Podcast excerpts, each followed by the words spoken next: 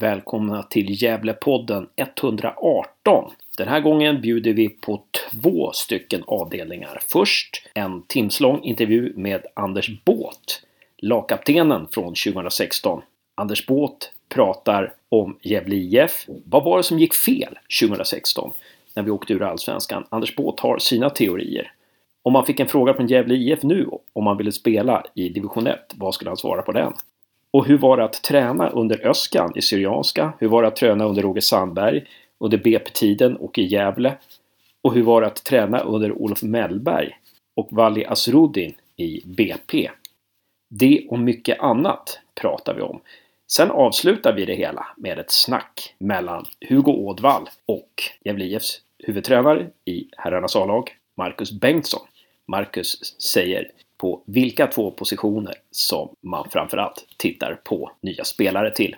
Kom ihåg att uppsöka Hugo Ådvalls 1882-bloggen som har kommit med matnyttiga grejer på bara några dagar. Den sjösattes i lördags och redan så ligger där väldigt mycket att bita i för Gävle IF-fansen. Tack Hugo för Silly-uppdateringen av damernas trupp. Vill också påminna om att nu på lördag den 2 februari äger en kupp rum i Gavlehovshallen. Nu den 2 februari alltså. Och det är Barn hjälper barn. En kupp som arrangeras i syfte att skänka pengar till Barncancerfonden. Man kan vara med och sponsra mål i den kuppen. Förra året så fick man ihop mer än 400 000 kronor och nu hoppas man få ännu mer. Jag, Hasse, kommer lägga in en länk i texten kring den här podden. Vill ni veta mer så kan ni kontakta Sebastian Zettergren på Gävle IF. Nästa vecka så kommer en längre intervju med Marcus Bengtsson som jag ska göra. Nu till helgen kommer jag tyvärr missa Gävle IFs första träningsmatch mot IFK Uppsala på Gavlevallen. Hoppas ni andra är där. För jag åker ner till Växjö och hjälper Josef flytta. På söndag kommer jag och Josef göra en resa till Kalmar och prata med lite utflyttade Gävlespelare som numera spelar för olika Kalmarlag. Den intervjun kommer förmodligen näst, nästa vecka. Ja, det var väl allt. Hoppas ni ska tycka att veckans avsnitt är kul. Och tycker ni inte det så kommer nya insatser nästa vecka.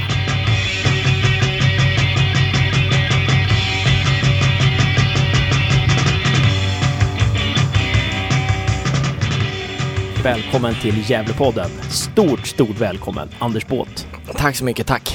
Det, det gick lite rykten på forumet där om att du bodde i Gävle eller hade, hade vägarna hit till Gävle och då tog jag en rövare och smsade Hasse Berggren och frågade har du Anders Båts eh, nummer? Jag vet inte om det gäller.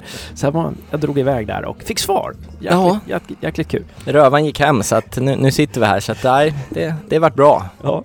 Och det här, jag förknippar ju det med en annan podd för att för, för, förut hade Al Pitcher, James Mackay och ska vi säga Adil Fakki hade en podd som hette Mafia Football Podcast eller någonting sånt där. Och jag tror att, jag, jag tror faktiskt att det var så att jag, jag, jag sa att, ja men, jag tror, var inte du lagkapten ett tag eller? I, I GIF? Jo var. Ja, för ja, Det var så det började, att jag var med i den inför premiären 2016 och då ville de ha lite olika lagkaptener. Så att så började det. Det började så alltså, ja. Och sen har jag varit med i den två eller tre gånger till. Har det varit det alltså? Jäklar. Ja. Fasen, då måste jag lyssna på. För de spelade in den i Stockholm, visserligen på engelska så man får ju kämpa lite men men i Stockholm då, så att någonstans på Söder satt vi och minst två gånger till, kan ha varit tre gånger till. Jäklar alltså. Ja, vad roligt. För jag, jag lyssnade bara, på- jag visste bara att om en, du var, du var jättebra på engelska. Ja, Så- jo det flöt på bra där. Ja. Hur kommer det sig att du är så bra på det? Ja, jag skötte mig i skolan. Det är nog det. Spelar mycket så här Fifa online med snackar? Nja, jag pratar nog inte så mycket, inte med sånt folk. Det är mer att filmer och att man en gång i tiden, ja, som sagt, skötte sig i skolan och gjorde det man skulle då. Och Fick du, har du bra gymnasiebetyg? Jo, men det skulle jag väl säga att jag borrade ner huvudet och körde ganska hårt i skolan. Så att ja, jag bra betyg att falla tillbaka på. Ja. Kommer du, kommer du plugga någonting? eh, Eller har du, plugg, har du pluggat någon högskola? Gjort några Jag har pluggat en termin på Handelshögskolan. Eh, men sen vart det att liksom då, det var så bökigt jobb med att vi tränade varje dag klockan 11 i Syrianska och man var borta så att efter ett halvår så kände jag att det får bli lite senare och sen vart det att jag flyttade till Gävle och då la jag det på is. Men jag har tittat på, för att de har ju sån här bra sportmanagement-utbildning som är ekonomikandidat. Som man kan läsa helt på distans. Så att en sån har jag tittat på att jag ska läsa innan, innan jag är 35 i alla fall och lägger ner fotbollen. Eh, Stockholm då eller Falun eller var, var, var läser man den? Ja, Den är via Köpenhamns universitet. Okej. Så då är allt på engelska och du behöver inte vara där någonting utan allt är helt på distans. Så att Ja. du kan sitta i en källare vart du vill Ja, i hela världen och läsa den. På spelarbussen hem från en bortamatch till, Ja, till och med. Exakt. Jo, Josef, min son som jag gör podden med, han läser ju eh, Sports Manager eh, i Växjö då. Ja, de har den där också. Ja, just det. Han, fick, han smsade med att han hade klarat sista tentan nu. Eh, ja, tu- tuff, tufft plugg alltså. Man tror ju Sports Manager är ingenting, men första tentan var anatomi alltså. Det var ja, jäkla, ja, jäkla avancerat. Så det, Ja, jo, det, det är nog lite att göra där. Så att det, det, antingen får man läsa den på halvfart om man spelar fotboll eller så får man verkligen borra ner huvudet och plugga ordentligt. Precis. Vad, vad skulle du använda den till om du gick den Sports Management? Eh, vad skulle du använda den till eh, i framtiden då tror du? Framförallt att generellt sett ha en ekonomikandidat så att man kan jobba med lite vad som helst och sen att det är rätt mycket marknadsföring och och den biten mot sporten så att vill man jobba inom sport så är det ganska optimal utbildning. Vad skulle du vilja jobba med inom sport? Alltså, är det marknadsföring eller skulle du kunna tänka dig bli spelaragent eller liksom klubbdirektör eller vad, vad är det? Ah, jag skulle nog, jag tänkte säga, jag har pratat med så mycket agenter. Agent lämnar jag åt andra. Det är en väldigt stressig och flängig bransch. Man måste... Så att agent tänkte jag inte bli, men något åt spel, liksom tränare eller jobba inom föreningsliv med marknadsföring eller sportchef eller klubbchef eller dylikt. Där kan jag tänka mig mycket, men inte agent, men tränare eller inom en förening skulle jag absolut kunna tänka mig. Ja. Ja, Vi har ju haft några agenter här på tråden. Eh, vi har frågat några agenter. Vi har haft Mikael Kallbäck med i podden någon gång och men det, det, de, de agenter jag smsat med det är allt, ofta sådär att nej tyvärr jag är i Rom nu. sådär. Ja. Att det, det är ofta sådär. Ehm, Det är nog väldigt mycket resande timmar till höger och vänster och hotellnätter och inte, inte alltid så fint, eller vad ska man säga, att du, du måste vara beredd att lägga ner hela ditt liv och din vardag på att resa land och rike runt. men tränare då? Det skulle jag kunna tänka mig. Det eh, var jag nosade på när vi var i GIF, att jag var med och tränade P16 då. Just det. Och det var jäkligt kul, så att tränare skulle jag absolut kunna tänka mig. Ja, då, då hade ju du Josef i en träning också. Stämmer, stämmer. När jag gick på skolan här på Torén gymnasiet. Business Exakt, ja, exakt. Hur då- var, hur var han eh, på träningen då? Ja, jag tänkte säga, han väntade nog mer till frågestunden efter och passade på att fråga ut mig om allt som hände i GIF eftersom det, vi låg lite pyrt till i tabellen tyvärr redan då. Ja, var det 2016 eller sista året i Ja, Allsvenskan? hösten där någonting. Mm. Tror det var, ja, det var hösten 2016. Just det. Ja, men, men, eh, men kul. Där har du lite framtidsplaner och sådär. Vi, vi ska gå igenom, backa tillbaka i din karriär och så, men, men det var ju det är också det här snacket eh, på forumet som gick då, men Anders Båth kanske bor i stan så här. Anders Båth vore perfekt för GIF eh, just nu. Eh, är som rutinerad och, och det är precis hans spel, spelartyp vi behöver. Vad tycker du? Tycker du att om du, om, du, om du sätter dig utanför dig själv, tycker du att du vore en perfekt spelare för GIF i dagsläget? Jag tänkte säga, nu har jag ju sett att de har värvat lite här på slutet som spelare som inte jag kan speciellt mycket om men generellt sett så har de inte så många seniormatcher i truppen så att så sett skulle jag nog vara en bra förstärkning att man har både erfarenhet och är över 23. Så att eh, tittar man på det så skulle jag helt klart vara en bra förstärkning men i dagsläget är det inget som är eh, speciellt eh, jättenära. Nej. Vad är det som, in, som gör att det inte känns eh, rätt steg för dig? Nej, det är att det är division 1, att man vill i en perfekt värld spela i åtminstone superettan och sen hitta någonting där och jag har haft några alternativ eller har några alternativ i superettan och så länge man har dem så känns de betydligt hetare än att spela i division 1. Just det. Har du en agent eller? Ja, då.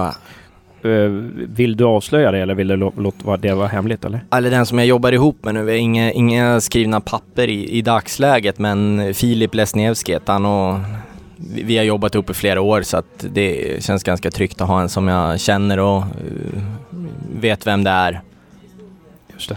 Vet inte om du har sett tv-serien Mad Men som handlar om eh, reklambyrå på 60-talet. Nej, men deras största reklamguru, han har inte heller något kontrakt. Ja, okay. så att, eh, det, det, det, det, är respekt. Då har man verkligen tillit liksom. Ja, men exakt. Till varandra.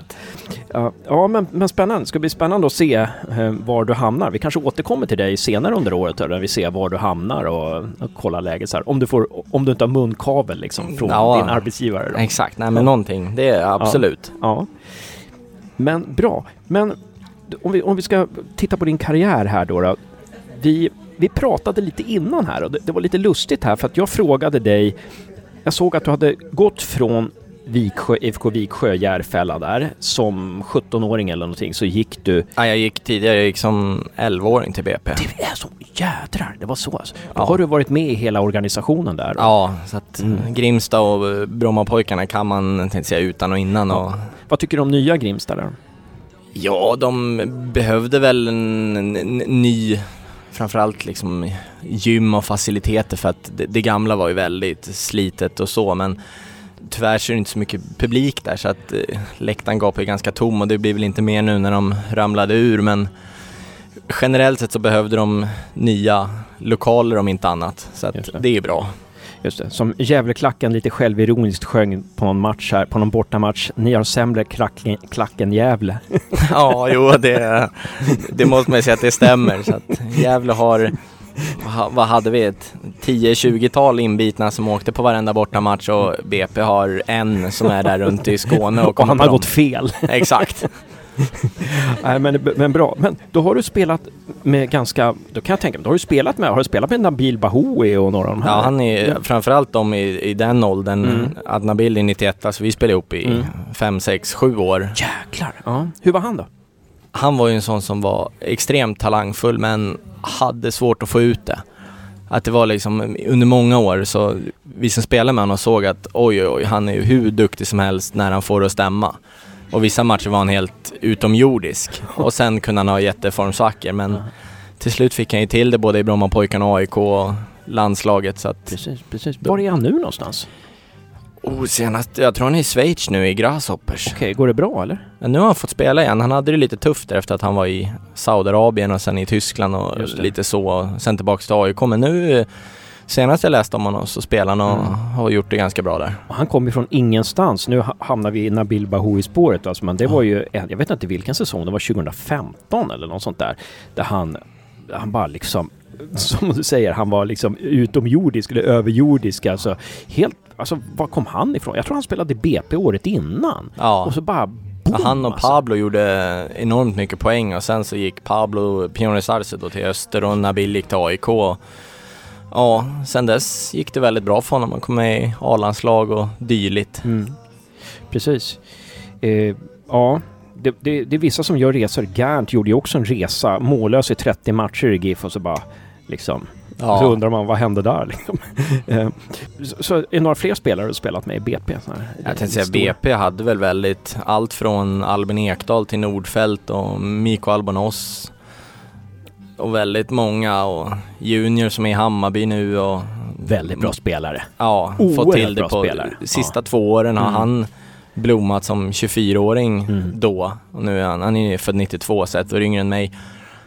Och liksom gått från att vara en, ska man säga, okej okay, superettan allsvensk spelare till att vara en toppspelare nu de sista åren. Så mm. att han har ju fått en jätteutveckling på, på senare dagar. Albin Ekdal då, var han, så, var han bra ända sedan han var liten? Liksom? Ja, han var alltid i framkant. Jag tänkte säga, BP hade ju ett samarbete med Gröndal som vi kanske kommer in på lite sen. Eh, och, och vi kan jag, komma in på det nu. Ja, exakt. Eh, det var en samarbetsklubb som jag var utlånad till 2009.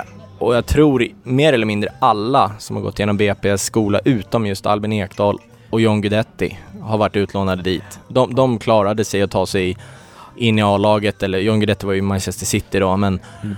alla andra har gjort liksom någon eller några eller flera matcher eller säsonger i Gröndal så att det var en väldigt, väldigt framgångsrik samarbetsklubb för BP. Ja.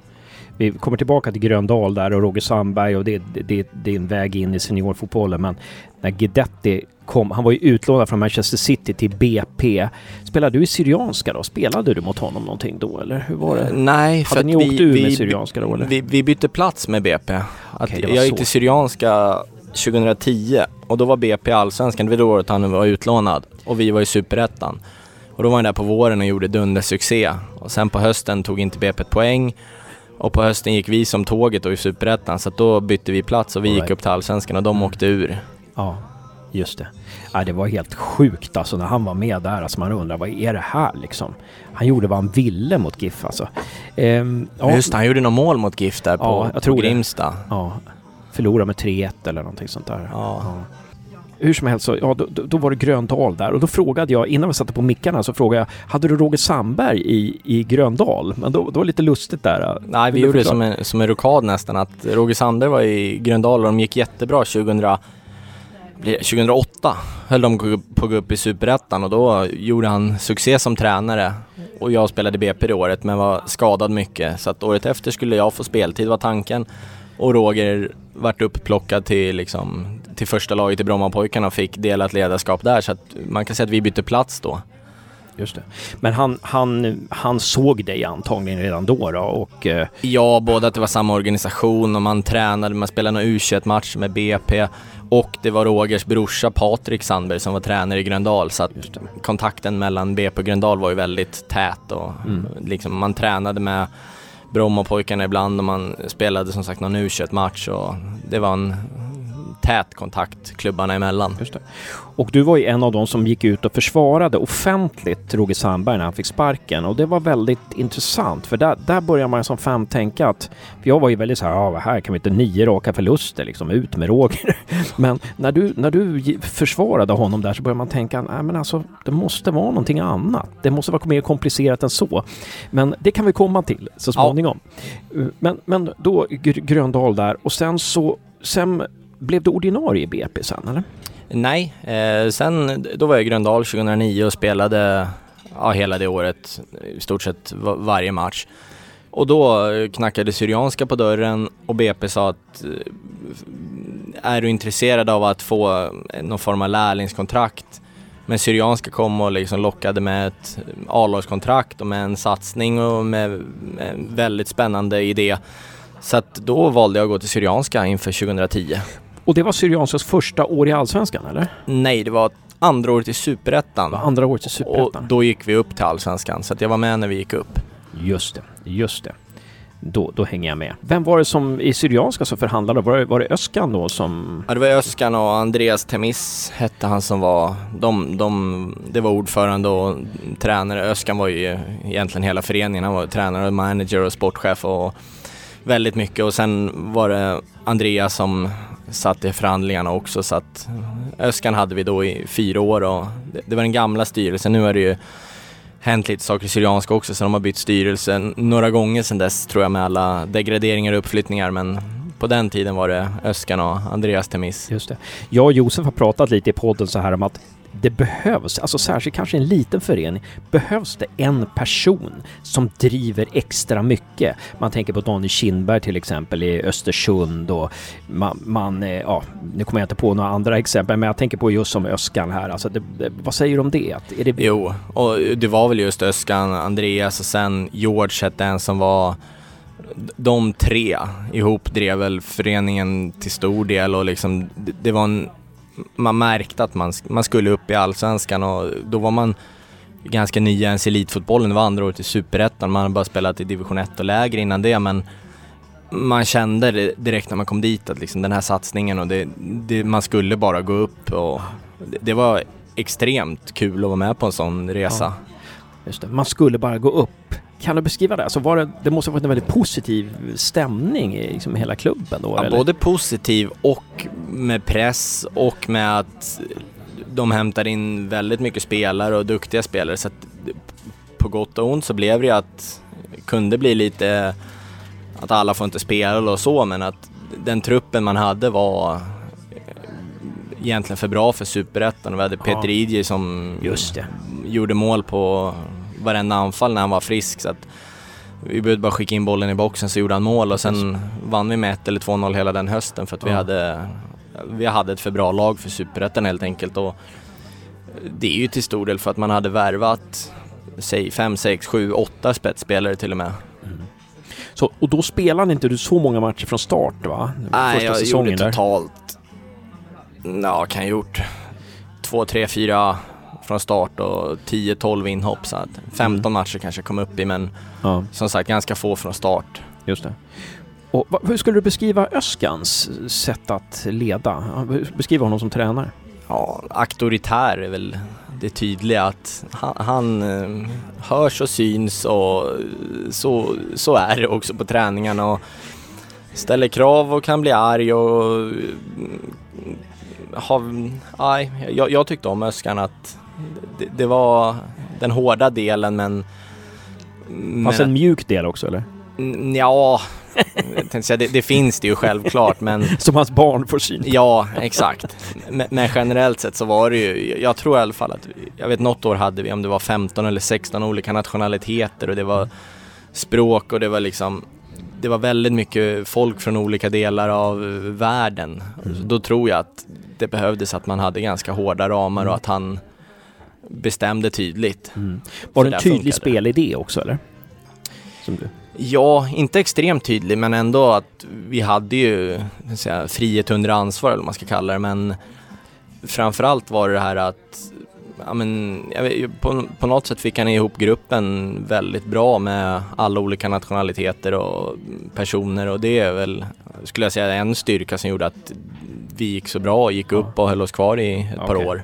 För det där pratar ju, det, det verkar ju som att han är en, snarare att han är en bättre ledare än vad han är tränare låter på dig där. Att han är bra för att få ihop gruppen, han är bra på att leda, han är tydlig. Men, men hur är det när med det taktiska då? Liksom, fotbollskunskaperna? Alltså. Jo, men taktiska är också bra. Det, det är väl lite kul för att på något sätt så tror jag Öskan känner man också att utvecklades under åren för att han var ju relativt ny som det var hans första, sen dess har han tagit upp AFC genom diverse serier och han har haft Djurgården.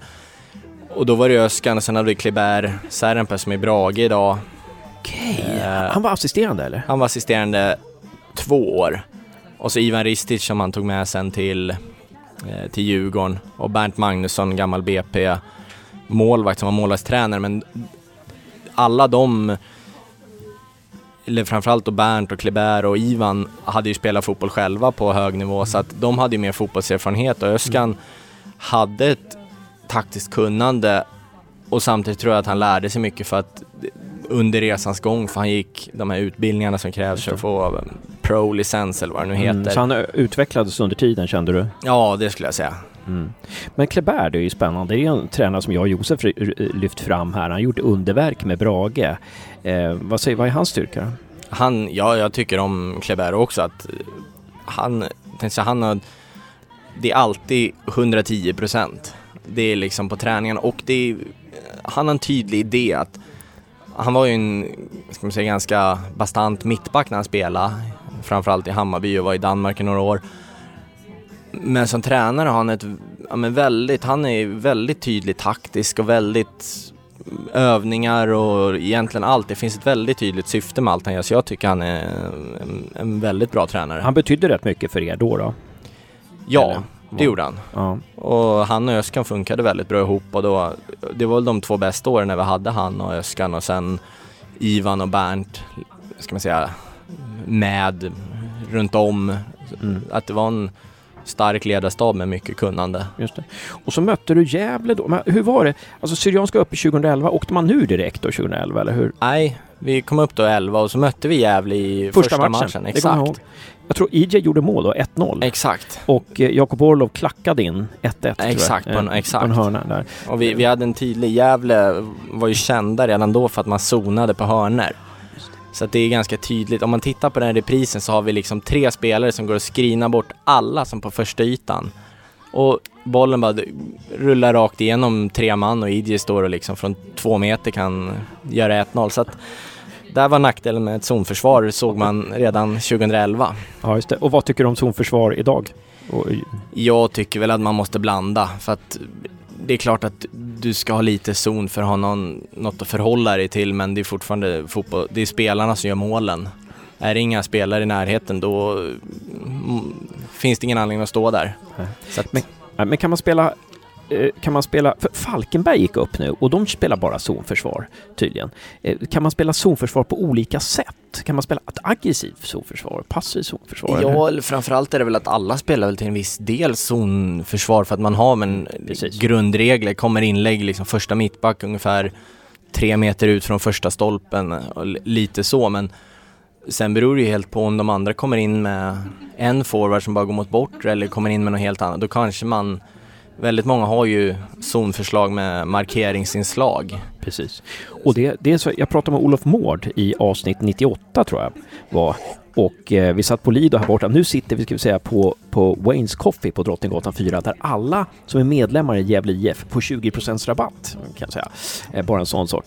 Och, ehm, eh, men vad skulle jag komma till? Jo, när jag pratade med Olof Mård så sa han, jag frågade hur har Pelle utvecklats sen sist? Ja, nu det är mycket mer, eh, det, det är man-man också, inslag av man-man också eh, i, i försvaret. Eh, så, så det, det, det, tyckte jag var intressant. Så ja. även Pelle har Ja men det, det tror jag man måste för att annars blir det här problemet som alltså, om man överbelastar eller om man screenar bort någon. Om du står i varsin zon och det kommer två i din zon då får man det jobbigt. Mm. Mm. Det är, och samma på hörner. Om, om du screenar bort två på första ytan, ja, då blir det ett stort tomrum där. Så mm. att det, det, finns ju klara nackdelar, men sen finns det nackdelar med markeringsförsvar också. Men ja, ja, precis, precis. Man, man ser ju ett tydligt tecken på att fler och fler jobbar åt markeringshållet och det mm. är väl det man tycker är bäst. Hur upplevde du Gävle då? Du, du mötte dem två gånger då. På, då ja, blev det... Ja, vi mötte dem i träningsmatcher ganska ofta också. Och så, så var det också ja, just det. Det var ju lite kul för att Gävle var ju väldigt, eller ja, genom åren varit ganska defensivt inriktade så att det var ju den träningsmatchen som man tyckte var roligast att spela. För att man, jag vet någon, något år det blev 2-2 i Södertälje och ja men det var så här, vi, vi hade bollen hela matchen. Visst vart 2-2 men i en träningsmatch är det ganska kul för att då är resultatet inte så viktigt. Då är det roligare att få en skön känsla och ja men vi hade väl 80-20 bollinnehav och det, vi hade kul och fick träna anfallsspel. Ja. Så att Gävle var väl, kan man säga, den roligaste träningsmatchen på året.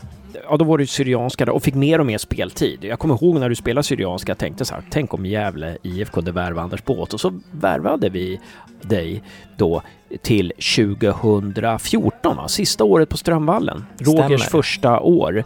Hur, hur, hur gick den? Vem var det som tog initiativet till den och hade du fler alternativ där? Och hur? Det är faktiskt lite kul för att redan 2013, nej 2012 12, då gick mitt kontrakt ut med Syrianska. Och då var det lite prat om Gävle. Men då var vi kvar i Allsvenskan med Syrianska och jag bodde i Stockholm och trivdes och trivdes med Öskan och med Syrianska så att det var ganska enkelt val att bara förlänga. Men, Strömvallen och sådär Ja, och som sagt man hade mött Gävle och tyckte kanske att det var lite för mycket defensivt inriktat ja. och så mm. att Syrianska spelade en frejdigare och roligare fotboll så att mm där och då var det ganska enkelt beslut att förlänga när man hade etablerat sig och tagit sin plats i laget. Men sen åkte vi tyvärr ur då 2013 och Roger kom till Gävle som jag kände sedan tidigare och helt plötsligt så vart det väldigt intressant och tror det var mitten på februari att det tog ett tag att för att jag hade ju kontrakt och så Gävle fick köpa ut mig. Uh, så det, det, dröjde några veckor med att det var lite turer fram och tillbaka. Mm. Och det stod ganska länge mellan Gävle och en annan klubb men till slut så var det Gävle som mm. drog det längsta strået och då ja. var det att man flyttade lite norrut. Så, så här eh, snart fem år senare, törs man säga vilken annan klubb det var eller är det lapp på luckan där? Eh, ja, det vet jag inte. Halmstad. Halmstad, okej, okay, ja. Okay. Mm, intressant. Men vad var det som gjorde som talade till Gävles fördel? Nej, Roger till stor del. Att jag, även om jag inte hade haft honom som egen huvudtränare så hade jag haft hans brorsa och hade varit i samma organisation som honom i x antal år och man, mm. ja, man kände honom mm. och visste att han ville bedriva en lite mera bollinnehavsinriktad fotboll mm. och att det var en ny arena på gång och att det liksom, Gävle lät spännande. Det hände mycket saker och man var på väg framåt. Var, hur sa, var det Roger som formulerade hur vi skulle spela eller hade, var det flera som var med i den diskussionen eller var det du och Roger som pratade om spelet? Nej, det var egentligen bara jag och Roger. Ja. Det... Hur ville Roger spela? Ja, det, det, han sa väl var det här mycket att eh, man kan inte bara slänga ut det gamla men att man ska utveckla det som har funnits och mm. liksom bygga på ett starkt och stabilt försvarsspel men att försöka få ett bättre bollinnehav och ett bättre pressspel och jobba med att utveckla framförallt egna spelet och pressspelet. Mm. Vilket Gävle tidigare har varit generellt sett ganska avvaktande och väntat på motståndarnas misstag. Ville man gå vidare och utvecklas där eftersom han har en bakgrund i Brommapojkarna och vet hur, hur man ville spela där. Just det. Det var, det var tufft då, för Pella hade lämnat och det var många tunga namn som lämnade. Jag tror Dahlberg lämnade, Falsetas lämnade. Ja, många slutade med Slutade Hugosson och. Bernhardsson. Just och, det, ja. För det var, det var många som sa det att, eh, nej men nu, och jag tänkte också, hur ska det här gå liksom? Och så kom du och Dio samtidigt eller? Stämmer, vi skrev Mm. på där 13-14 februari någonting, precis Mm. innan vi skulle åka till Cypern på träningsläger. Just det, snä, snä, rakt över torget här, var det inte Hotell Vinn eller någonting ni hade Exakt. Ja. Exakt. Ska, ni skulle åka på träningsläger då? Direkt Ja, efter? eller dagen efter eller ja, tror vi åkte dagen efter. Ja. Hur, hur var känslan då det här? Fick du någon känsla som vi fans fick då? Att hur ska det gå med så många spelare som försvinner?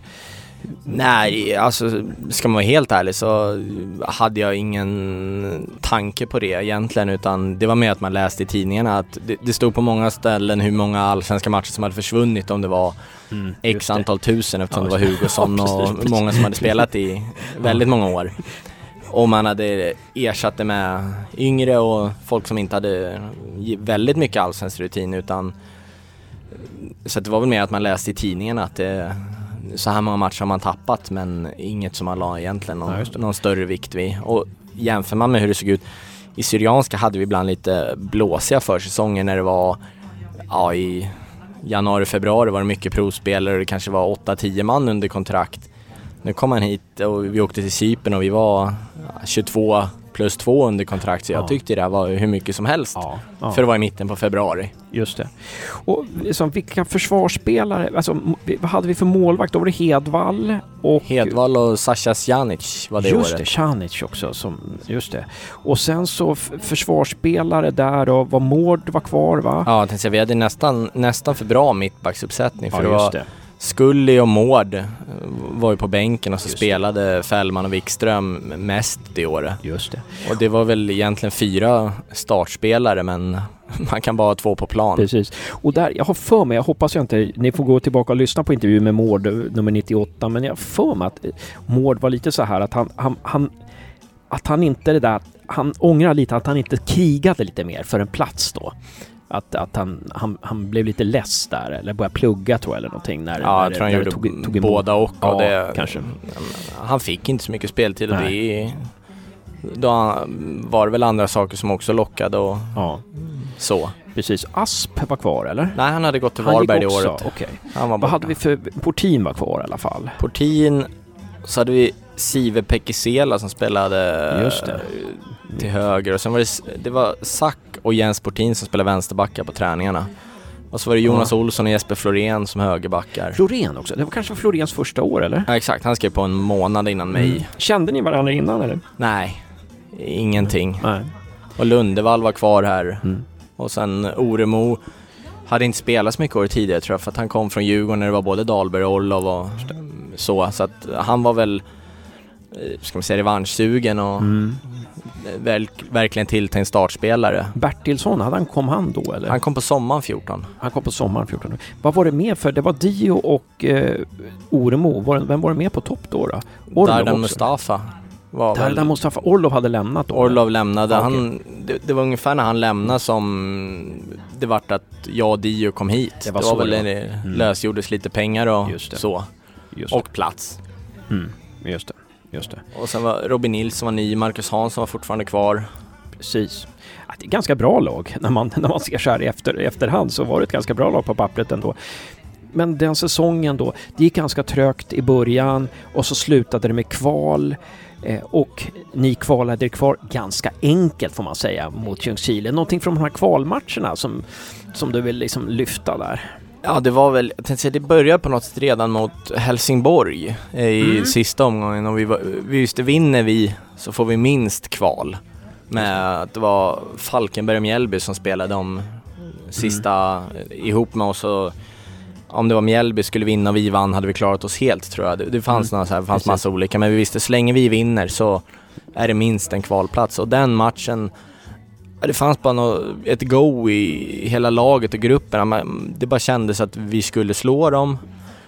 Och så gjorde vi det och vann med 2-1, vände, underläge, Oremo tror jag gjorde båda målen. Och sen kom man in i kvalet med en, egentligen en jättebra känsla. Och så började det lite halv...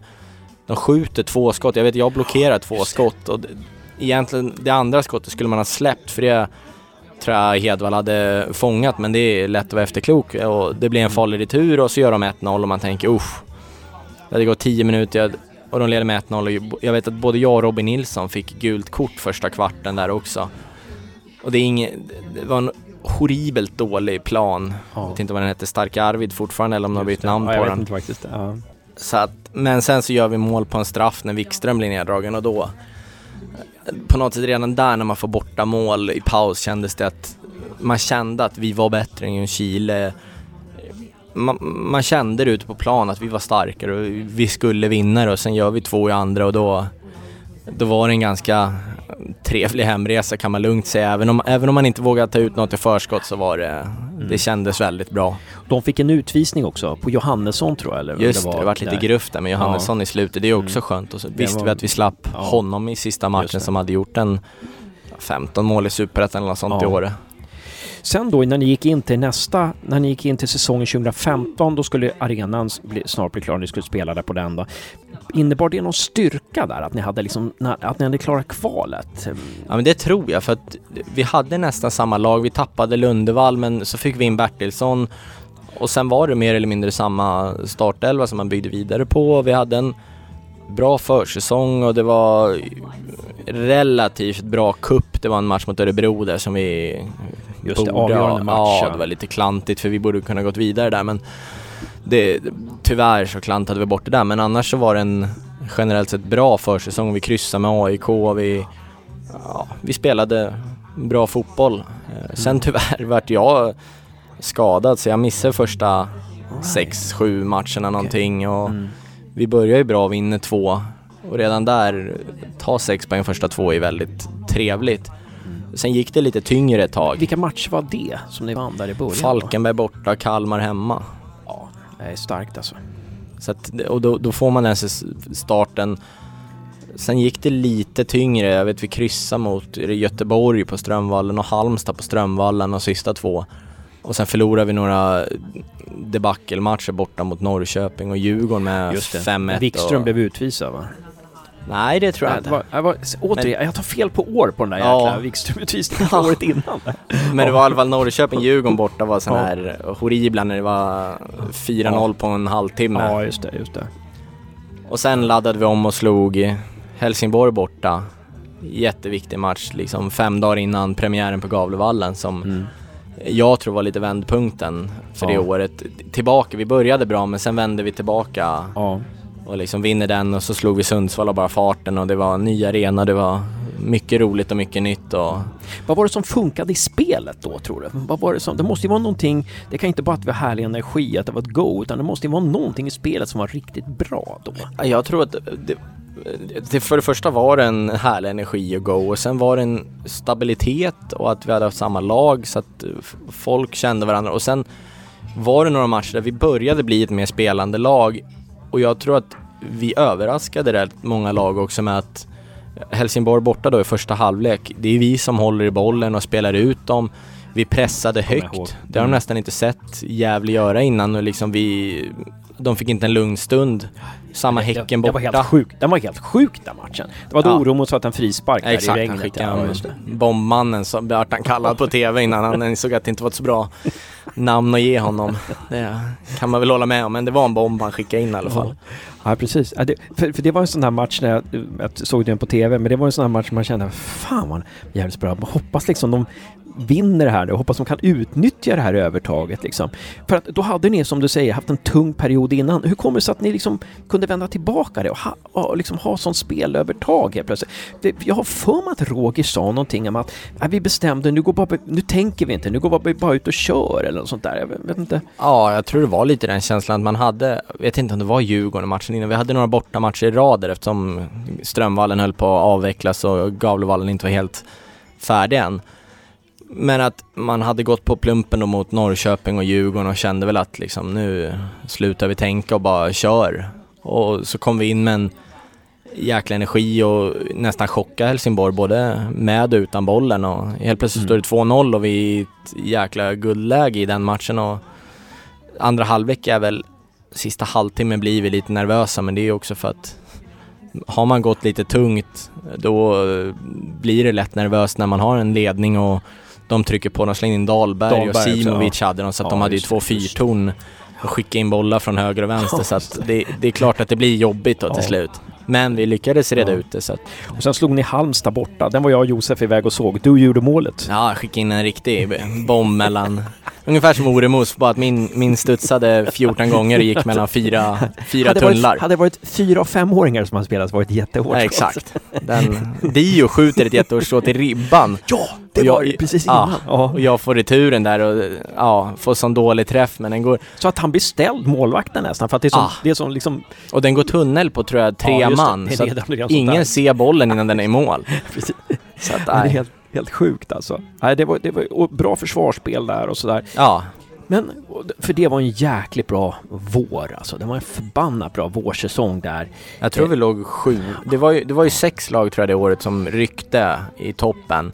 Och vi låg sjua ganska Ja, länge så att vi ja. var liksom Var det inte då Gävle var i serieledning också ett tag? Jo, efter exakt. fem omgångar. Och Roger Sandberg skrev på Twitter när Gävle gick upp i serieledning igen, liksom ordningen återställd. Ja, det stämmer. Han skrev någonting sånt på Twitter. Ja. Det stämmer, det stämmer. Ehm, det var ganska roligt. Men, men vad var styrkan, när det gick så bra, vad var styrkan i Rogers sätt att spela? Skulle du vilja säga där? En styrka var väl att det var mycket frihet på plan och vi hade liksom som, som lite ledare på plan som både tog ansvar och som såg till att det funkade. Och liksom det flöt på bra, vi hade en stabilitet, vi släppte inte till så mycket målchanser. De som spelade gjorde det bra, sen fanns det, vi hade i alla fall liksom två, tre, fyra stycken på bänken, Belander och Mustafa och några till som var med och utmanade och liksom Verkligen. Conte kom det året också, Bonzo alltså. Just det. Så att vi hade många spelare som var i form under större delen av det året. Precis. När du säger så här, vi kom- kommer inte ihåg vi exakta ord, men ledargestalter eller vad du sa. Vilka, kan du peka ut några av dem som var ledande där i det Ja, laget? man skulle säga Fällman som var lagkapten och sen var det väl jag till viss del och sen Oremo var med och drog ett lass och så Robin och Martin. Och då har vi fem stycken i centrallinjen som pratar och skriker och Mm vi kunde prata under matchen också. Det var något som Roger såg till att vi utvecklat. Om vi hade en dålig start kunde vi prata med varandra. Vad gör vi? För att man kan inte gå och vänta i 37 minuter till halvtid och liksom ligga under med 4-0. Utan vi blev bättre på att tänka på plan och rätta till problemen. Mm. Jätteintressant alltså. Och, men så kommer vi till hösten 2015. Och sen var det våren 2006. Men om vi b- b- börjar frilägga hösten 20, 2015 när, när det tar väldigt få poäng. Vad är det som händer där liksom? Ja, Och- det börjar ju tänkte jag säga med att det, det var, var bra för att vi, vi slår, jag tror det är Djurgården och Helsingborg hemma. Och efter, med Helsingborg som andra matchen, då har vi de här 36-38 poängen. precis. Då tror jag alla känner att det är klart.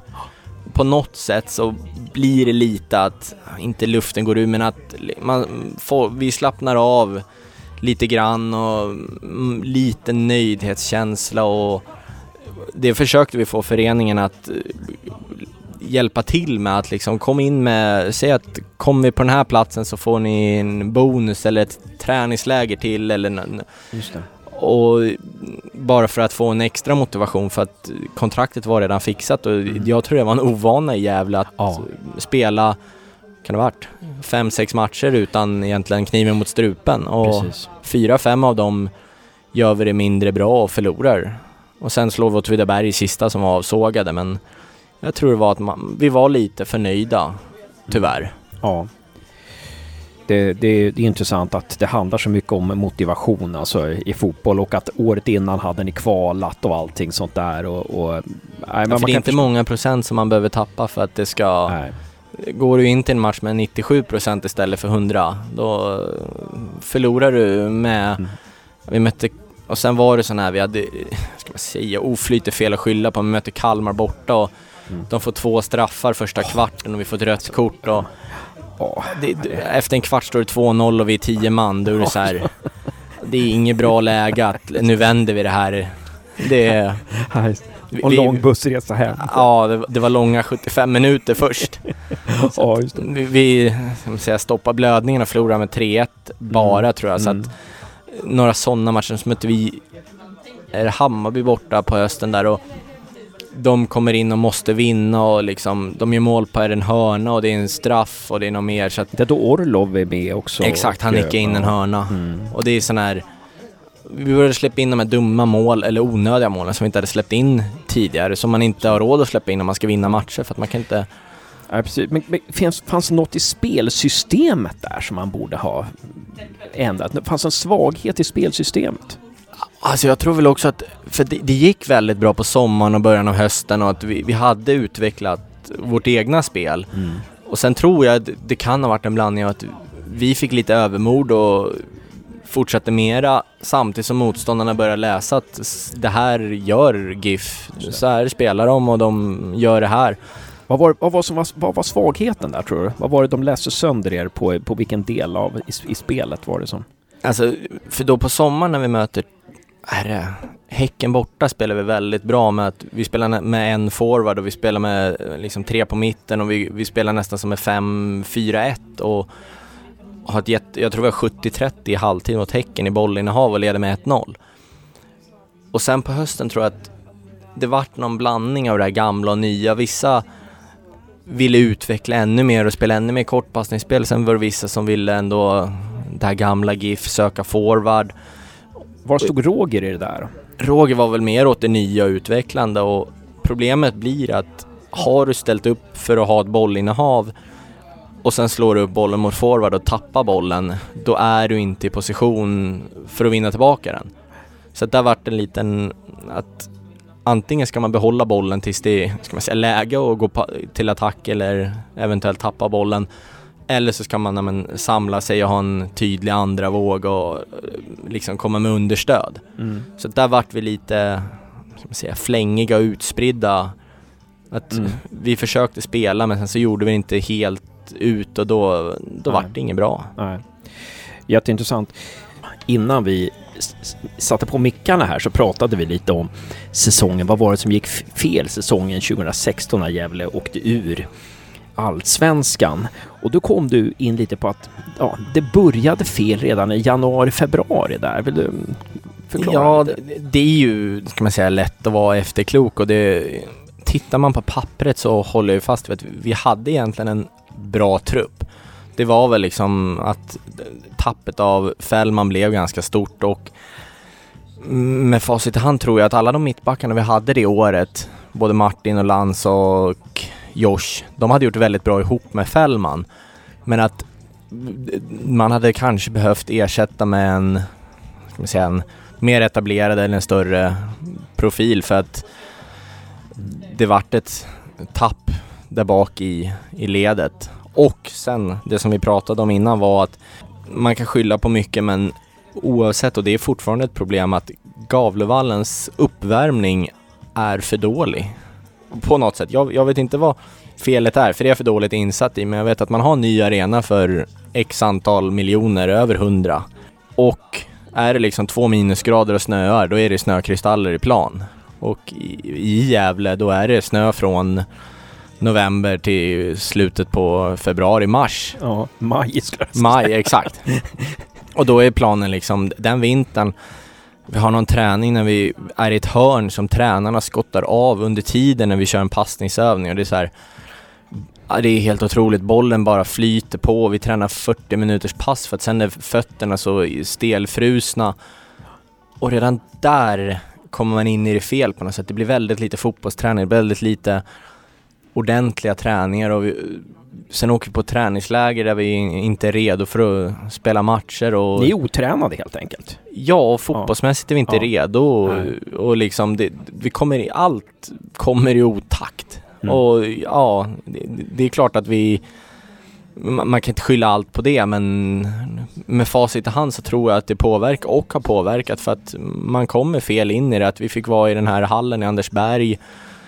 Det är en, du kan spela max sju fotboll om du är fullvuxen och ska ha någorlunda ytor. Spelar du 10 mot 10 så blir det väldigt, det blir bara hafsigt. Så att, att det tror jag vi bör med oss och så börjar vi då dåligt i mot Halmstad. Horribelt debacle och vi släpper in tre mål på tio minuter. När ni var utomlands då ja. Exakt, ja. i Salou utanför Barcelona. Och helt där tror jag någonstans att stressen, en onödig stress kom för att vi gör tre misstag på tio minuter som gör att de går från 1-1 till 4-1 och matchen är förlorad. Men på något sätt så blir det att där kommer någon osäkerhet in. Vissa vill gå tillbaka till det gamla GIF. Ska vi fortsätta utveckla? Var står vi? Vad, vad händer? Och så bara på något sätt fortsatte det med att vi gör en dålig match mot Trollhättan. Och, eller matchen i sig är inte så hemsk. Vi leder i paus. Sen är de 1-1 på någon struntgrej i början av andra och sen är det vi som trycker på men vi får inte in bollen. Och så får de en straff i 93. Och det är klart att det ser jättedåligt ut att förlora mot... Är det cupmatchen eller? Ja. ja, och det ser horribelt ut att förlora mot ett division 2-lag. Det kan man inte bortförklara men då fortsätter den här på något sätt, vad ska man kalla det, fundersam och liksom vad, vad börjar nästan dra lite åt olika håll att Ska vi gå tillbaka? Ska vi göra det? Ska vi utveckla? Ska vi jobba med pressen? Ska vi gå tillbaka till det gamla försvarsspelet? Och... Hur, hur, stod, hur stod Roger i det här då? Liksom, vad, hur var hans inställning? Ja, det, Roger var väl bland de lugnare egentligen. Jag tror att det var mer runt om honom som det egentligen var skapades en oro. Roger var, blev egentligen ganska isolerad och lite själv i det hela för att han eh, tyckte inte det var i hela världen och liksom ville att, ja visst men det, det är ändå allsvenskan som gäller. Men eh, det blev inte bra. Ja, just det. Just det. Så att det, det, det, ni hamnade i en stress redan från... Ni hamnade i en stress, stresssituation redan från början där av ja, hela året kan man säga då. Och, ja, och sen, det kom i otakt. Sen, sen, sen varade den året ut och sen var det det här med Fällman, att Fällman försvann då. Ehm, så att... Men, men tror du att... Sen, så, sen gick ju Roger... Eller sen fick Roger sparken då när... När laget hade förlorat nio matcher i rad tror jag inte med mycket, jag tror aldrig det var några sådana riktigt stora förluster, men då var ju du en av de som uttalade dig och, och, och sa liksom, du, du, du, sa någonting om att ja, det här är fel eller någonting, alltså att det, ja. jag tycker att det är fel. Hur, hur kände du då? Ja, för att jag, jag egentligen ångrar lite att man inte på något sätt gick in och tog med sig, för vi hade inte ett uttalat spelarråd, men vi hade ju några som fungerade som ett spelarråd att man skulle gått in och pratat med styrelsen och varit helt ärlig hur, grupp, hur gruppen såg på det. För det som hände var ju att Roger hade byggt ett spel och hade värvat spelare och egentligen börjat förändra Gävle till det nya under två och ett halvt års tid, mer eller mindre. Och i vissa perioder gick det bättre och vissa perioder gick det sämre. Och sen vart det helt plötsligt som att någon tog bort allt och blåste ut det.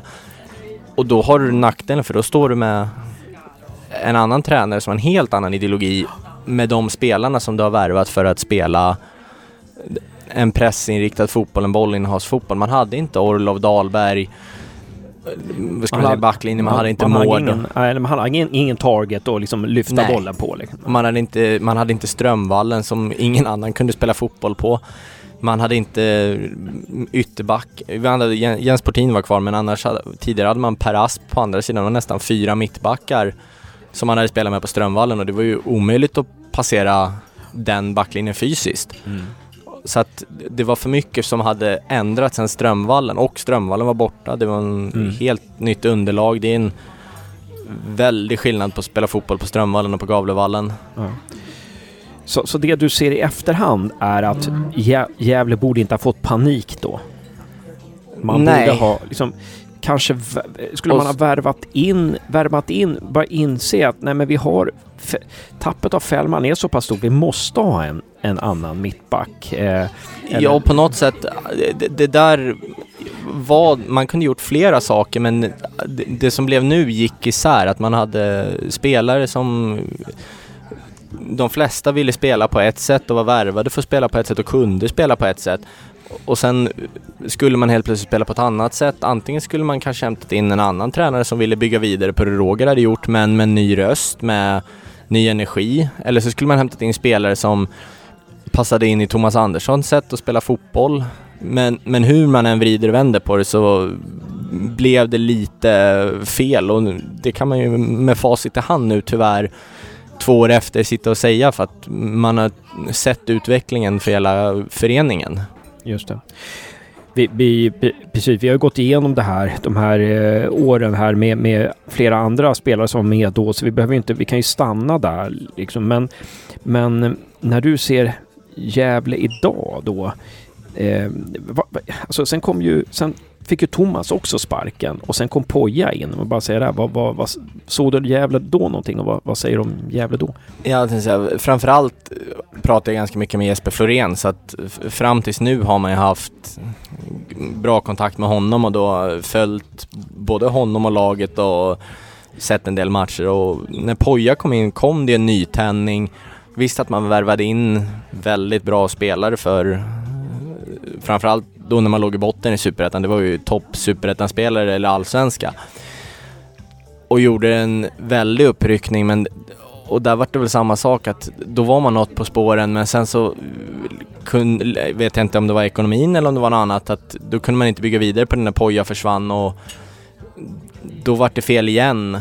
Och då har det blivit fel två, tre gånger ganska rejält på två mm. år och det har man inte riktigt råd med mm. när man dessutom har blivit degraderad och ja. tappat pengar och allt vad det innebär. Ja. Eh, Eh, kan, kan du känna igen Gävles resa neråt? Kan du känna igen den? Liksom, du som har eh, lite kontakt med Syrianska och BP som också har åkt neråt och, och vänt upp och så här.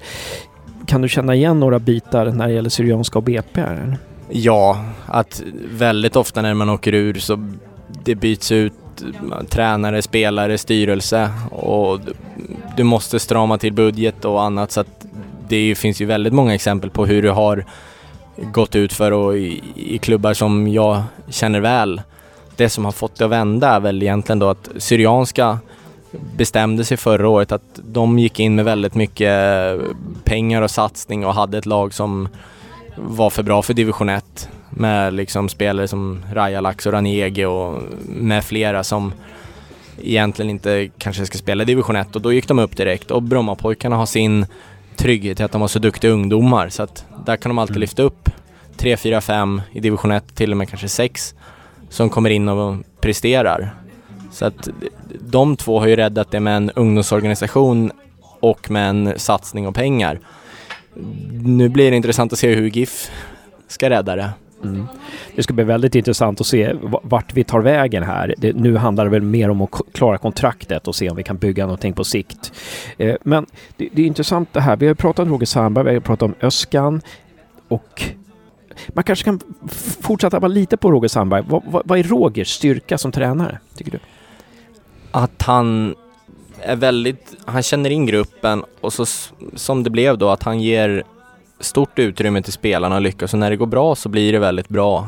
Och det vart som att vi hade ledare på planen som, som skötte matcherna på något sätt. Att tidigare, kanske då i Gävle, Pelle Olsson och då har man inte behövt tänka så mycket på plan utan man har gjort så som man var tillsagd. Men under Roger vart det en utveckling och att man skulle tänka mer och vi skulle lösa situationer så att på ett individuellt plan så var det väldigt lärorikt att få ett sånt ansvar och att vi skulle lösa situationerna helt enkelt istället för att göra fel saker i 37 minuter om man börjar dåligt. Mm. Så att framförallt på ett sånt plan att han känner in gruppen och sen vill ha en frihet och en att man ska våga, att han är väldigt sympatisk person som ger en trygghet och ett stöd. Mm sen måste vi också komma in på Olof Mellberg och eh, Asrudin Valentic som du hade eh, en kort, du var ju ett halvår där i BP va? Vad säger du om deras ledarskap? Och, det skulle jag säga att där var det framförallt Valid och Asrudi som håller i träningarna till större delen och Mellberg hade hand om taktiken och där var han väldigt tydlig och kunnig och egentligen har jag aldrig varit med i ett lag som har haft så tydligt och bra pressspel som i BP då. Och liksom man, det är väldigt tydligt på vem som pressar vad och det vet jag att det påminde om hur Jesper Florén beskrev Poje att du visste precis att jag pressar deras vänster mittback till exempel och, och att den tydligheten i pressspelet så som Mellberg hade har jag inte haft tidigare och det funkade ju onekligen väldigt bra. Just det. Så att det var Mellberg som la upp taktiken, så här ska vi spela. Exa han visste exakt i detalj hur, hur, hur vi skulle försvara, hur vi skulle anfalla. Ja, eller och framförallt eh, i det året hade vi så pass, mm, ska man säga, mycket skicklighet offensivt så att det, är klart att vi hade idéer och liksom koncept hur man skulle göra offensivt men till stor del så skulle jag säga att det var defensiven som gjorde att vi behövde inte försvara oss speciellt långa stunder och vinner du tillbaka bollen väldigt snabbt och motståndaren tycker det är väldigt jobbigt och då blir det bra till slut. Ihop med att vi hade några offensiva Gyökeres och Kevin Cabran som öste in mål till höger och vänster. Just det, just det. Men eh, så, så, jag uppfattade inte, eh, vad kallar de Valles? Valli. Valli. Eh, Wallis, eh, vad var hans roll då? Ledde han träningarna då eller? Ja, han höll i mera träningar och sen när det var taktikdelen kom Mellberg ofta in. Okej, okay, okej. Okay. Så, så, att eh, Mellberg var lite mer manager kanske? Ja, Och Walli var tränare då kanske? Ja. ja. Sen är det klart att de, de hade väl ett relativt delat ledarskap fast det kanske var 60-40 Mellberg men ja att för att vara två tränare så hade de ett ganska delat. Inte, I GIF var det ändå, eller ännu tydligare i Syriansk var det Öskan som var en tydlig huvudtränare, manager, kallar det vad man vill, men mm. bestämmer. Just det.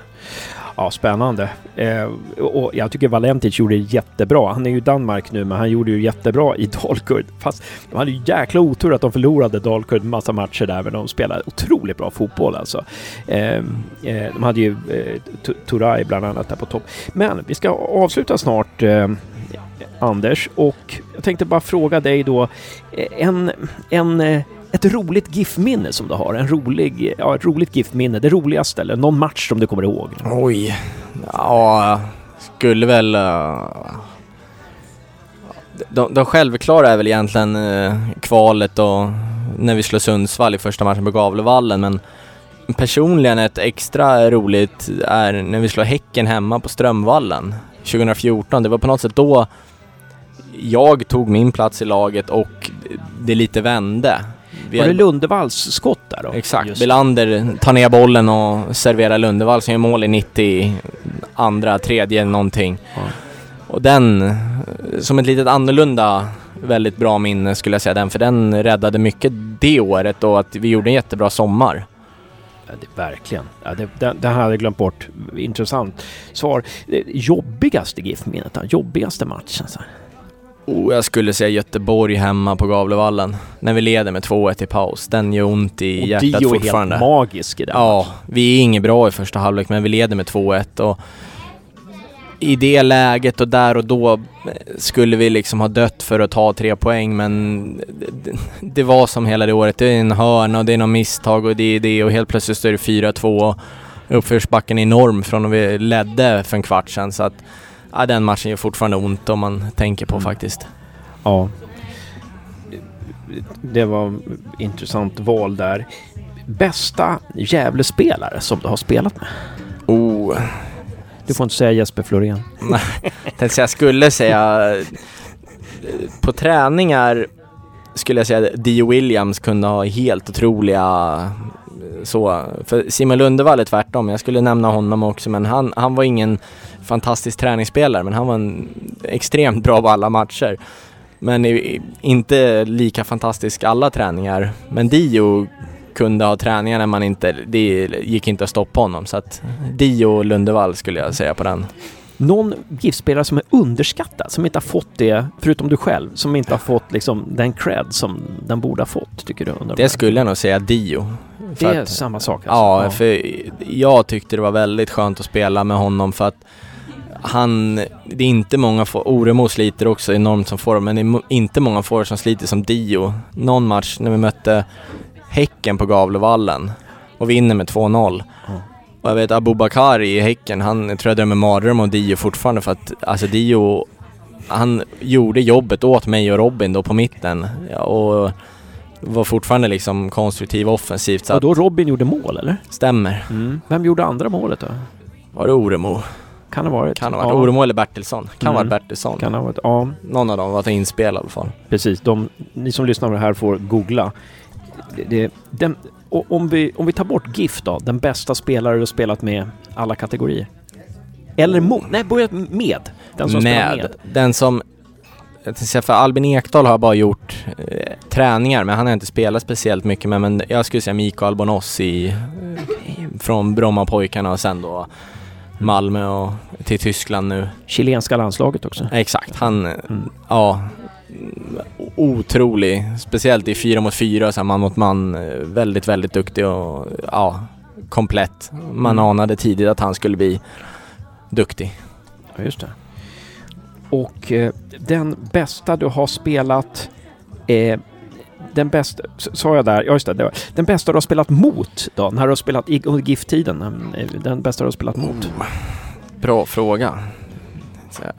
Väldigt bra fråga. Det, Kan, vi, kan, vi har gott om tid på oss. ja, tänkte säga, till CV skulle det varit Lugano i Häcken men eh, han, eh, Ja, han fick komma hit och förlora med 2-0 och jag vet att Ciuciu till och med förnedrade honom och dribblade av honom så han vart förbannad och började skrika saker så att Sett i CV måste det vara honom men eh, prestation är det nog inte han.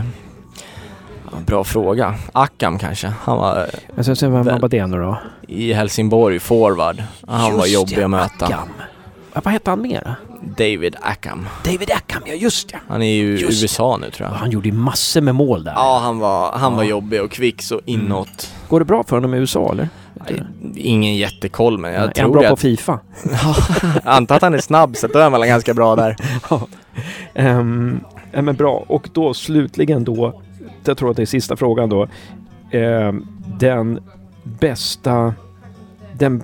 eh, vad fan tänkte jag här nu då? Nu, nu så tar jag den bästa motspelare i GIF då. Den me- bästa, mesta motspelare som du har spelat mot i hela, ditt, i hela din karriär då? Oh, det är också en sån fråga när man måste, måste tänka lite. Ja, precis. Ja, jag är glad att jag slipper. Ja. Det är ju väldigt svårt.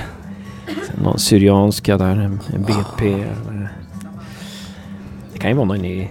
Ja, det- GIF-tiden har jag ju redan sagt där. Men, Oh, väldigt svår fråga. Eh, Ja. man måste tänka så mycket. ja, precis. Någon du mötte när du var med Syrianska där. Ja, jag tänker när man- i BP. Ja, bra fråga. Det. Kanske inte, kanske är David Ackham.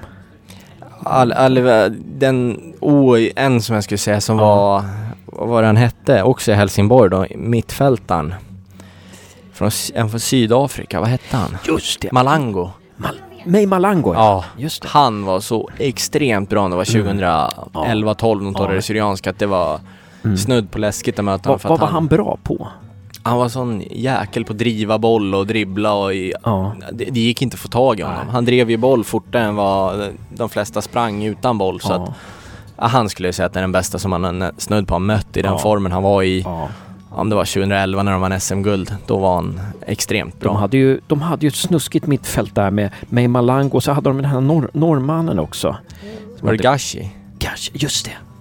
Jäkligt. Ja, de hade väldigt bra. Ja. De, de var ju Ja. extremt bra där. Ja. När de vann SM-guld Ja. och vann kuppen och allt möjligt de åren. Så att, ja, det var det är helt, helt otroligt.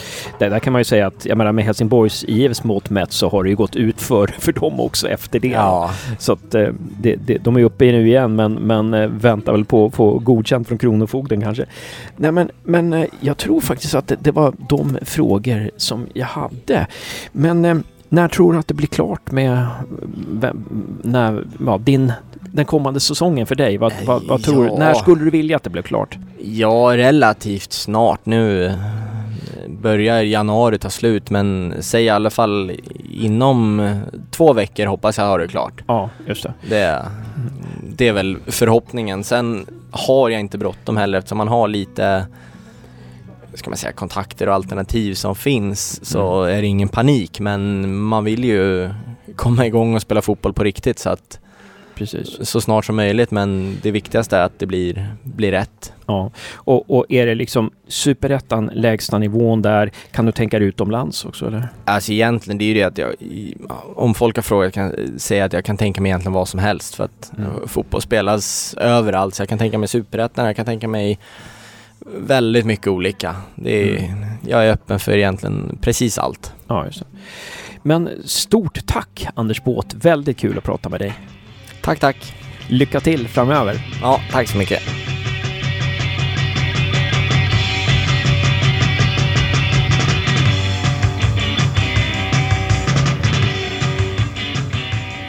Eh, då står jag här med Marcus Bengtsson. Eh, stort tack för att du tog dig tid. Eh, eh, under gårdagen meddelade ni att Samuel Gussman eh, lämnar.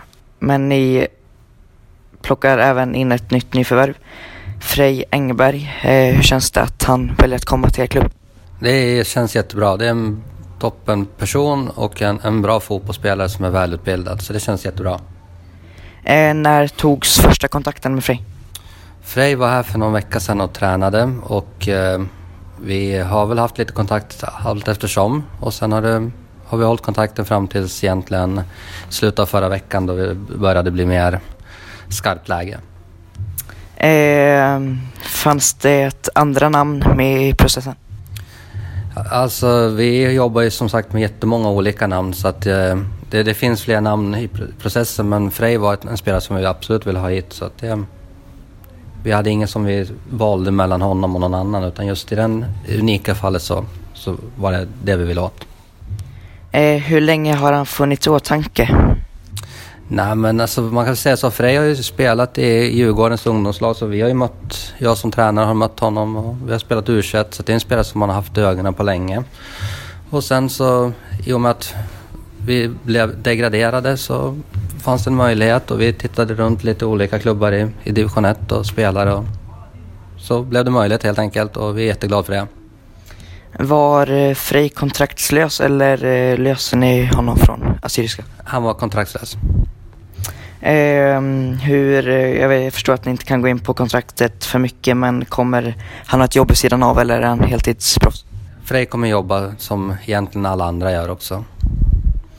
Ehm, kontraktslängden på Frej men även eh, nya målvakten Jake. Eh, Det är två plus ett. På båda två? Nu får jag ta dem på liksom, sniskarna. Jag tror det är ett plus två på Jake och två plus ett på, på um, Frej. Ehm, perfekt. Om du beskriver Frej med tre ord som fotbollsspelare, vilka blir det då? Jag tycker att han är en, eh, en väldigt aktiv spelare. Han är hela tiden igång. Han har liksom bra fysik och en fin vänsterfot. Ehm, hur användes han av assyrianska? Assyriska men. I Assyriska så spelade han i stort sett bara vänsterback men här är han tänkt att kunna vara mittback. Så just nu är han mittback hos oss men fördelen med Frej är att han kan spela även vänsterback. Var det någonting som eh, avgjorde att han verkligen vart väldigt aktuell för er? Eh, hur då tänkte du? Att han kan spela på flera positioner? Nej, det är jättebra. Det är jättebra i, i vårt bygge att ha spelare som är multikompetenta. Eh, är eh, Frej en direkt ersättare till Samuel Guzman eller ska en ny spelare in och ersätta Samuel? Eh, det kan man väl säga på ett sätt att han är, men vi, oavsett Samuels vara eller icke vara så skulle vi ändå förstärka backlinjen så att eh, det kommer nog att ramla in någon till. Samuel Guzman lämnar er alltså också. Eh, vad har du för kommentar till Samuels flytt? Nej, egentligen inte så mycket mer än att det är faktum och eh, vi fokuserar på de som är här. Eh, vad förlorar vi i att Samuel väljer att försvinna?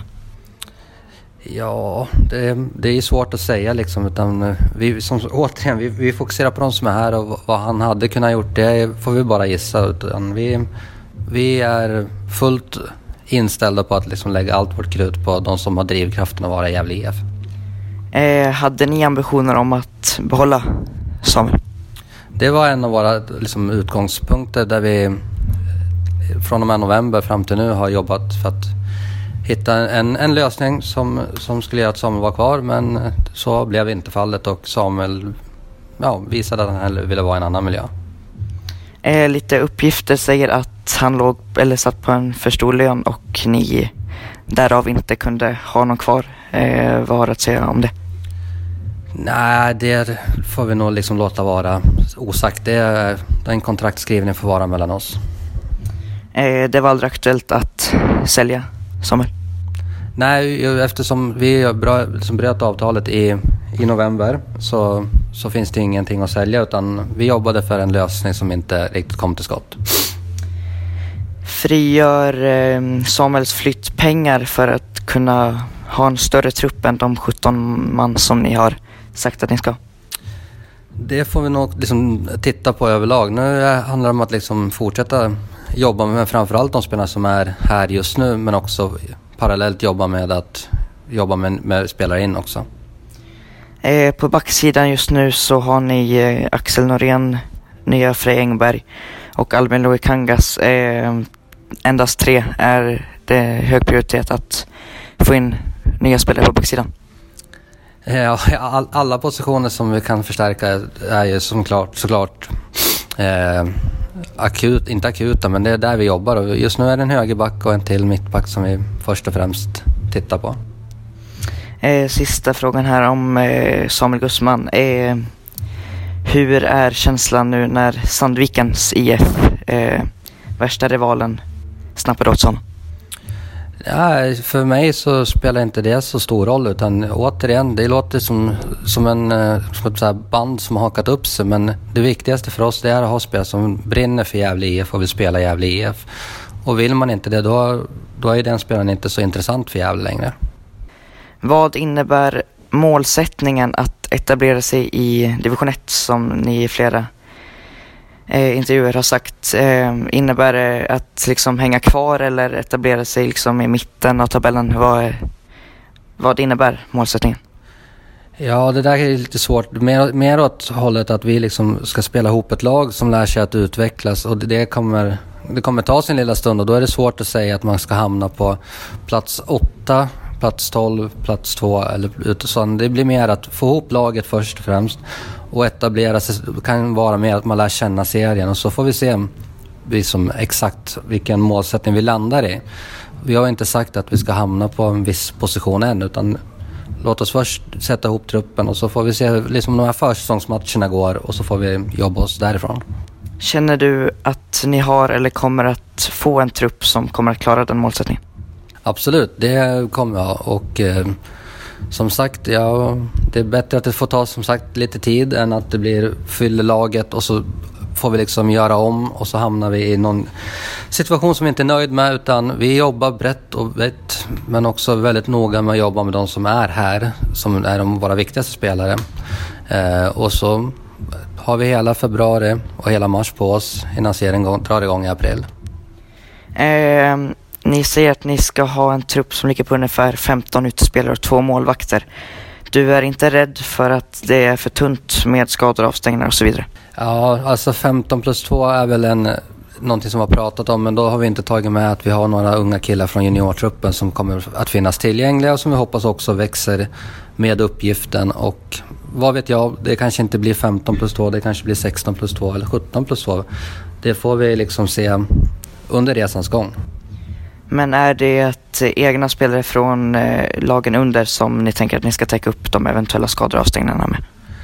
Det får vi som sagt se, men vi räknar med att ha två till tre gubbar från U19-laget som, som, som tränar och växeldrar och förhoppningsvis växer in i kostymen. Eh, eh, vad, kommer, eller vad tror du kommer bli, eller vad blir viktigt med nästa spelare? Vilken lagdel är det ni tänker att ni ska värva nästa spelare Äh, återigen så är det liksom, vi jobbar med massa spår och skulle det vara så att vi får liksom en innermittfältare för en högerback så får det vara så. Liksom. Det är viktigare återigen att vi hittar rätt spelare, rätt karaktär och sen om det är i vilken ordning det blir, det är inte så viktigt egentligen för, för mig. Ni har en extremt ung trupp just nu. Eh, har ni ambitioner om att, av att förstärka truppen med eh, äldre spelare? Ja, med erfarenhet vill vi ha som, som har i alla fall spelat på, på liksom liknande nivå men har gjort det en längre stund i alla fall så att vi kan ta hjälp av den spelarens liksom, ihopsparade erfarenheter så att säga. Hur skapar ni en god träningsmiljö för en äldre spelare i det här unga, unga laget?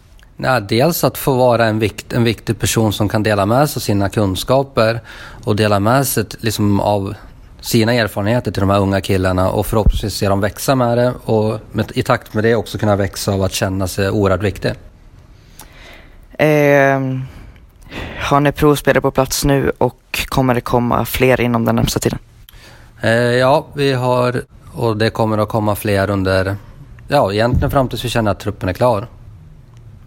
Eh, och då avslutar med en sista fråga här nu. Eh, Tsutsu har inte spelat med nu, har varit utlånad, eh, har inte funnits med på någon träning vad jag har sett här nu.